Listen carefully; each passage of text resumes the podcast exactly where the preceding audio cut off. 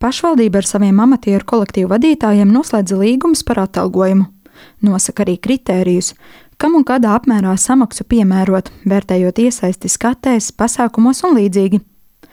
Par kolektīviem, kuri piedalās dziesmu un deju svētkos, pašvaldības saņem naudu no valsts kārtību skaidro Latvijas Nacionālā kultūras centra dziesmu un deju svētku tradīcijas saglabāšanas un attīstības nodaļas vadītāja Sarmīta Pāvulēna.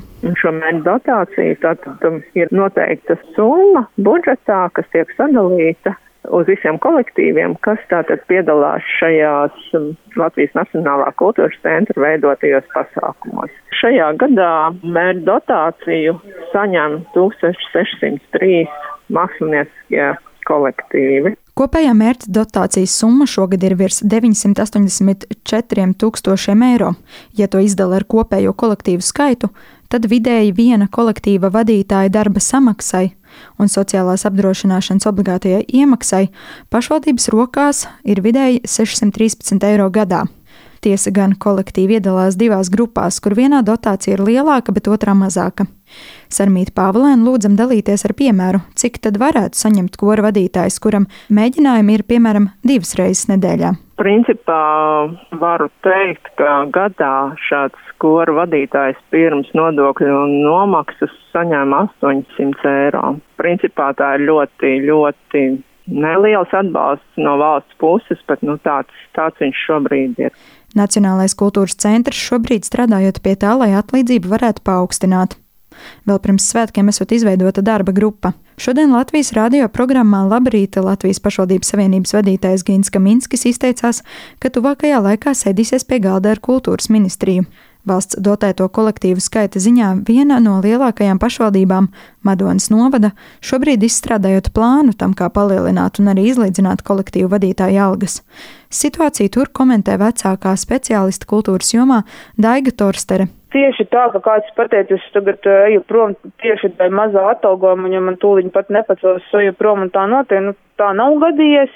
Bet, protams, viņi par to runā, mēs kopā par to runājam un diskutējam. Tie nav tikai 63 kolektīvi, kas ir dziesmu svētku kolektīvi, kurus arī mazliet valsts dotē ar meditācijām. Tad mums kopā es uzskatīju 136 kolektīvi. Viņiem visiem nav tur tā kora diriģenta likme, protams, bet tas tāpat ir gana liels sloks. Nevar tā teikt, sloks ir foršs, tas ir liels pienesums mūsu kultūras dzīvei novadā.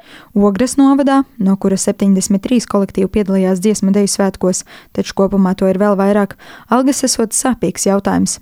Par to stāsta Ogres novada kultūras centra direktore Elīna Aupe. Mums pēc apvienošanās, kad apvienojās četri novadi, mums tā situācija ir ļoti, ļoti dažāda. Un tas, ko mēs primāri darām, protams, ka sakārtojam paralēli atalgojumu jautājumam šo te, tieši juridisko pusi, kā šie no kolektīva vadītāji tiek noformēti darba attiecībās, jo tās līguma formas mēdz būt ļoti dažādas. Tikmēr Latvijas Kultūras akadēmijas prorektora zinātniskajā darbā Anda Laķa vērš uzmanību tam, ka zemajam atalgojumam ir arī riski.